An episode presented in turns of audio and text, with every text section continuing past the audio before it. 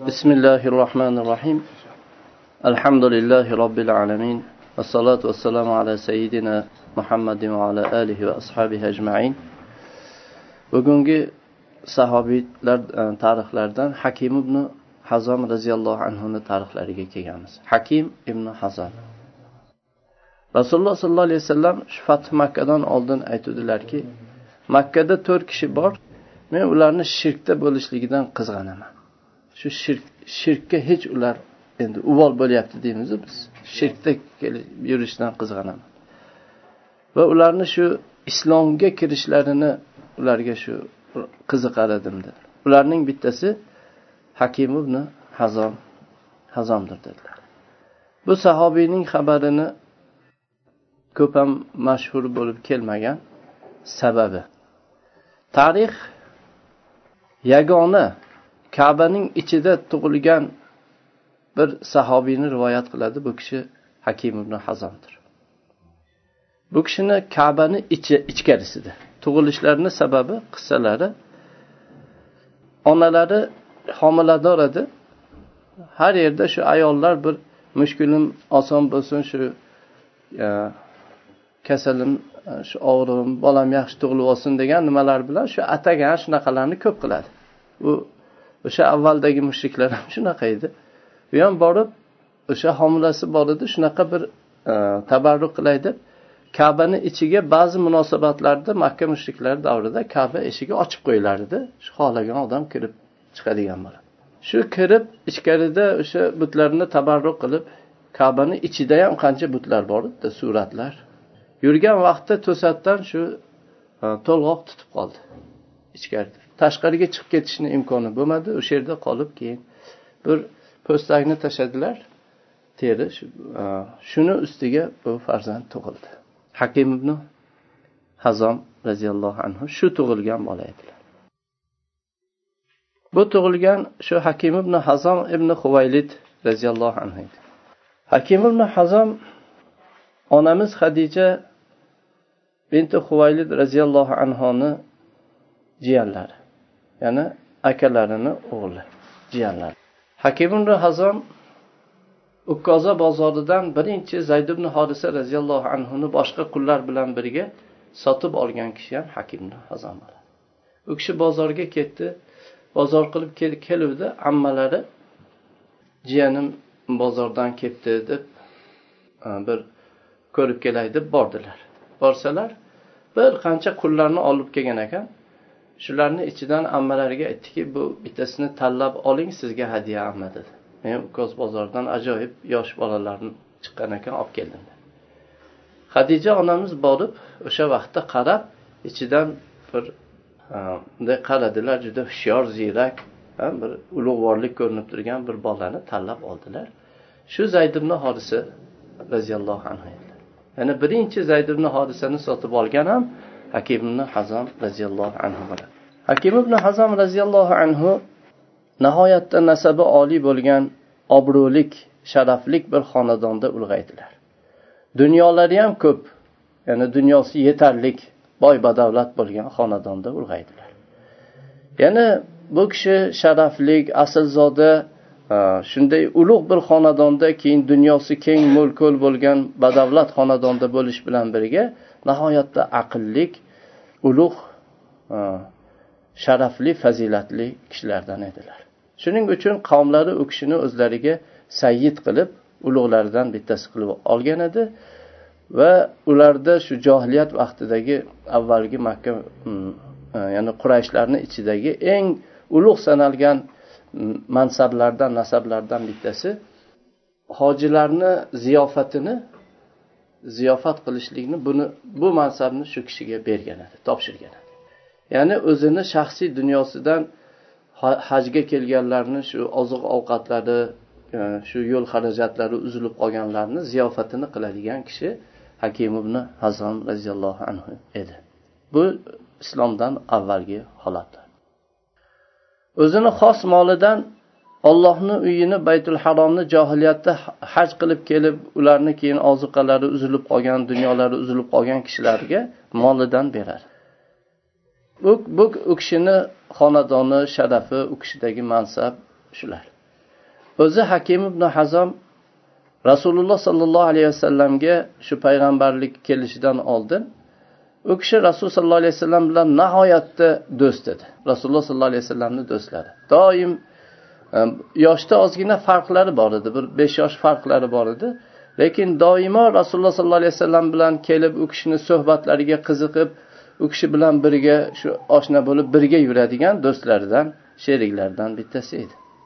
Rasululloh sollallohu alayhi vasallam uni buncha ulfat qilishligiga buni yaxshi ko'rishi buni e, ehtiromiga rasululloh sollallohu alayhi vasallam do'stligiga do'stlik sadoqatiga sadoqat uni hurmatiga hurmat bilan rasululloh sollallohu alayhi vasallam ham uni shunday e, javob berardilar. Undan keyin rasululloh sollallohu alayhi vasallam u kishining ammalari hadija roziyallohu anhoga uylandilar. Bu bilan qarindoshlik qudachilik bog'lanishi ham bo'ldi. O'rtalarida aloqa nihoyatda yana ham mustahkamlandi. Hadicha binti huvaylid roziyallohu anhuga rasululloh sollallohu alayhi vasallam uylanganlar. Mana shunday ulug' sharafli kishi boy badavlat kishi. Rasululloh sollallohu alayhi vasallam bilan shunday do'st shunday muhabbatlik sadoqatlik. Keyin bu qarindoshlik taraflaridan ham bog'landilar. Shularga qaramasdan hakim ibn hazom roziyallohu anhu rasululloh sollallohu alayhi vasallam fath makkadan keyin u kishi islomga kirgan. Ha, bunisi endi juda ham qiziq. Shunday qarindoshlik bog'lanishi yaxshi odam bo'lishligi sharafli odam bo'lishligi shularga qaramasdan u kishi fath makkadan keyin islomga kirdilar. Yana rasululloh sollallohu alayhi vasallam payg'ambar qilib jo'natilgandan keyin yigirma yildan ko'proq vaqt o'tib keyin islomni qabul o'zi asli hakim ibn hizomga alloh taolo bunday aql bergan bunday insof adolat yaxshi axloq bergan e, kishini gumon qilinadigan narsa bu u kishi islomni ya'ni rasululloh sollallohu alayhi vasallam bilan bunday yaqinligi bor do'stligi bor keyin qarindoshlik ham bog'landi. Bundan keyin avvalgi mo'minlardan bo'lishliklari kutiladigan odamda o'zi rasululloh sollallohu alayhi vasallamni hidoyatlari bilan hidoyatlanib da'vatni labbay deb birinchi tasdiqlaydigan bo'lishlari kutiladigan kishi edi. Lekin ollohni xohishi alloh taolo xohlagan narsa bo'ladi. Yasha. Olloh kimni xohlasa uni robbil alamin o'zi hidoyat ya'ni hidoyatki bu tavfiq hidoyati faqat ollohni o'ziga xos bo'lgan e, ishdir. Kimni olloh hidoyat qilsa uni hech kim adashtira olmaydi. Kimni olloh adashtirib qo'ysa robbil alamin uni hech kim hidoyat qila olmaydi.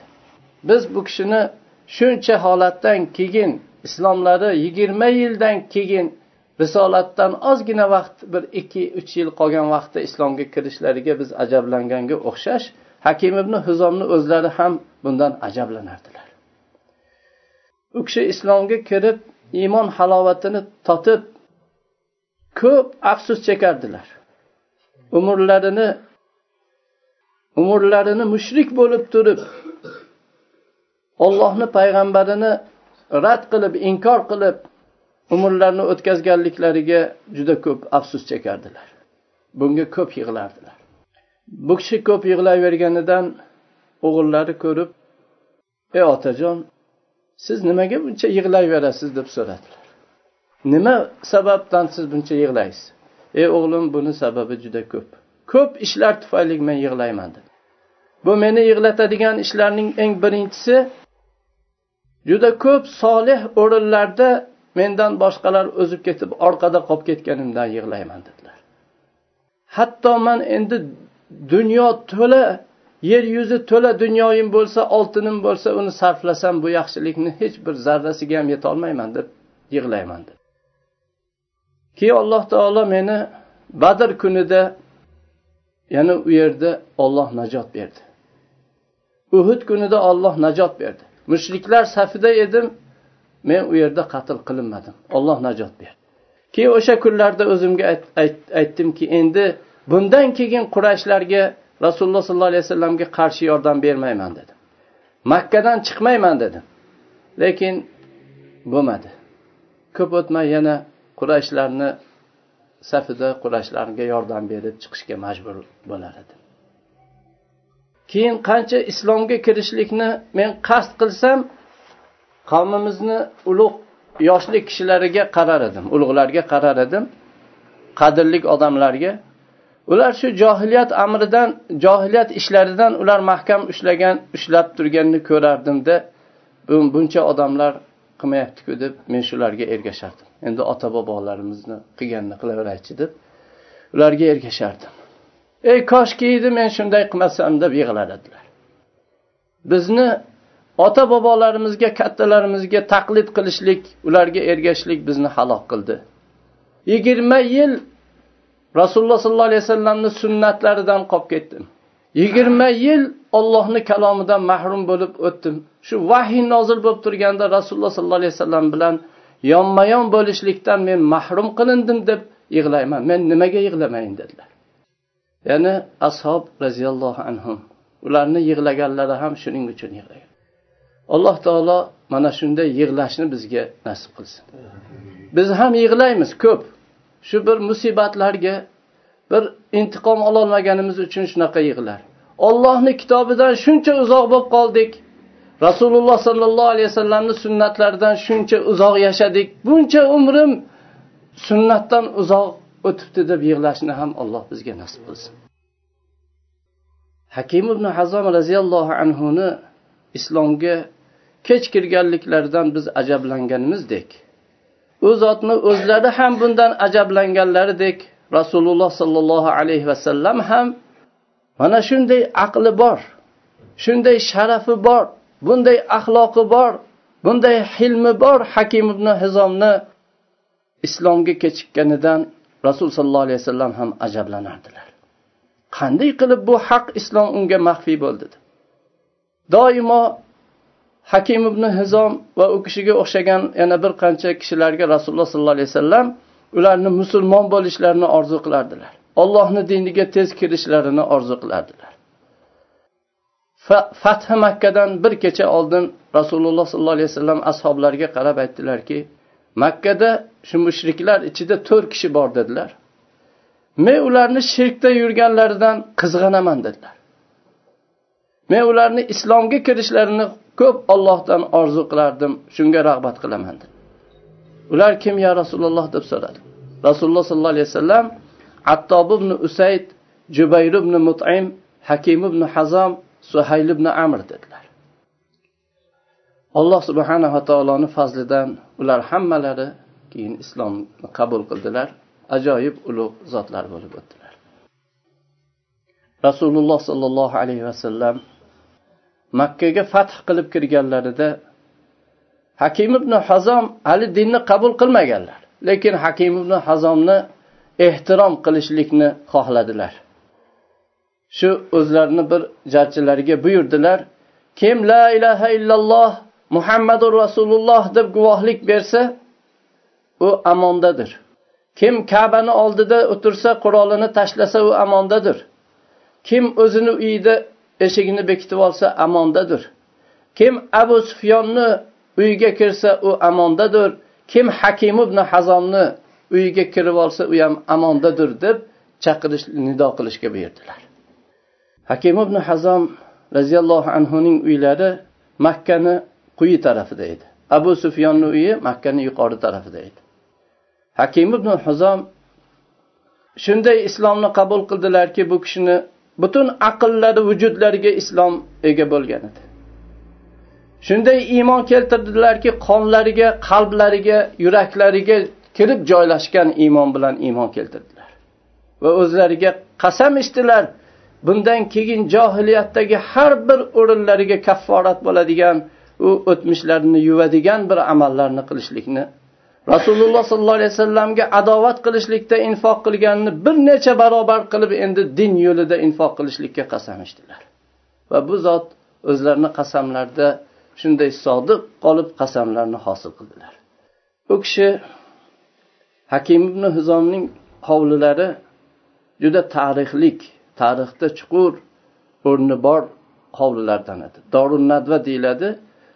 Butun quraysh mushriklari johiliyatdagi o'zlarini hamma maslahatlarini shu yerda hal qilar edilar u yerda butun qurayshni sayyidlari jamlanardilar. Kattalari rasululloh sollallohu alayhi vasallam butun olamga rahmat qilib yuborilgan zotni qatl qilish u kishini hijratdan to'sish e, til biriktirish ham bu kishini shu hovlisida bo'lgan edi. Shunday ularni o'zlarini ichida shunday bir e'tiborli hovli edi. Hakim ibn hazom shu hovlidan qutulishni xohladilar. Va bu jirkanchlik o'tmishdan o'tmishni tamom unutilish pardalari orqasida yashirib yuborishlikni xohlagan edilar. Bu uylarini yuz ming dirhamga sotdilar. Atrofdagilar kelib ey hakim bu butun qurayshlarni sharafi bo'lgan joy ey amaki buni nimaga sotasiz? dedi. U kishi aytdilarki unaqa emas ey o'g'lim dedi. Ulug'liklar hammasi ketdi. Taqvodan boshqa hech qanday ulug'lik yo'q. Inna akramakum indalloh atqokum endi ulug'lik faqat taqvo bilan bo'ladi. Men bu uyni sotdim. Buni puli bilan jannatda bir uy sotib olishlik uchun sotdim dedilar. Men sizlarni guvoh qilaman buni pulini hammasini olloh azza va jalla yo'lida berdim dedilar. Hakim ibn hazom roziyallohu anhu islomga kirganlaridan keyin haj qildilar. Oldilarida yuzta eng qimmatbaho bezaklar bilan bezalgan hamma nimalari tayyor tuyalarni olib chiqdilar. Ularni hammasini ollohga qurbonlik qilib so'ydilar. Keyingi yil hajjida chiqdilar arafotga arafotda turdilar. Hakim ibn huzom bilan qullardan yuztasi bor edi. Hammasini bo'yniga kumushdan shunday bo'yinbog' qilib unga bu olloh azza va jalla yo'lida hakim ibn hizom ozod qilgan qullar deb yozilgan shunday kumushlar olib chiqib turib shunday ozod qilib uchinchi hajlarida u kishi oldilarida mingta qo'yni allohga qurbonlikka shu haydab olib chiqdilar. Mingta qo'yni hammasini minoda so'ydilar. Va uni go'shtlarini musulmonlarni faqirlariga allohga qurbat hosil qilish uchun taqsimlab yegizdilar. Hunayn g'azotidan keyin hunayn g'azotida rasululloh sollallohu alayhi vasallamga juda katta o'lja tushgan edi. Shu hunayn g'azotidan keyin hakim ibn hazom rasululloh sollallohu alayhi vasallamga kelib shu tushgan o'ljalardan menga bering deb so'radilar. Endi islomni qabul qilgan vaqtlari rasululloh sollallohu alayhi vasallam berdilar yana so'radilar yana berdilar. U kishi olganlari yuzta tuyaga yetdi bu kishi islomni yangi qabulgan qabul qilgan kunlari edi. Shunda rasululloh sollallohu alayhi vasallam hakimga qarab aytdilarki ey hakim dedilar. Bu dunyo nihoyatda shirin yam yashil shunday chiroyli go'zaldir. Kim uni saxovat bilan ya'ni baxillik qilmasdan saxovat bilan olsa unga barakot beriladi. Kim uni nafsi hukmron bo'lib turib nafsiga quloq solib olsa unda barakot bo'lmaydi dedilar u xuddi yeyveradiyu to'ymaydi shunga o'xshab qoladi. Va beruvchi qo'l olguvchi qo'ldan ko'ra yaxshiroqdir dedilar. Hakim huzom hazom roziyallohu anhu rasululloh sollallohu alayhi vasallamdan bu so'zni eshitganlaridan keyin aytdilarki ya rasululloh sizni haq bilan yuborgan zotga qasamki sizdan keyin hech kimdan hech narsa so'ramayman dedilar. Biror narsa so'ramayman dedilar.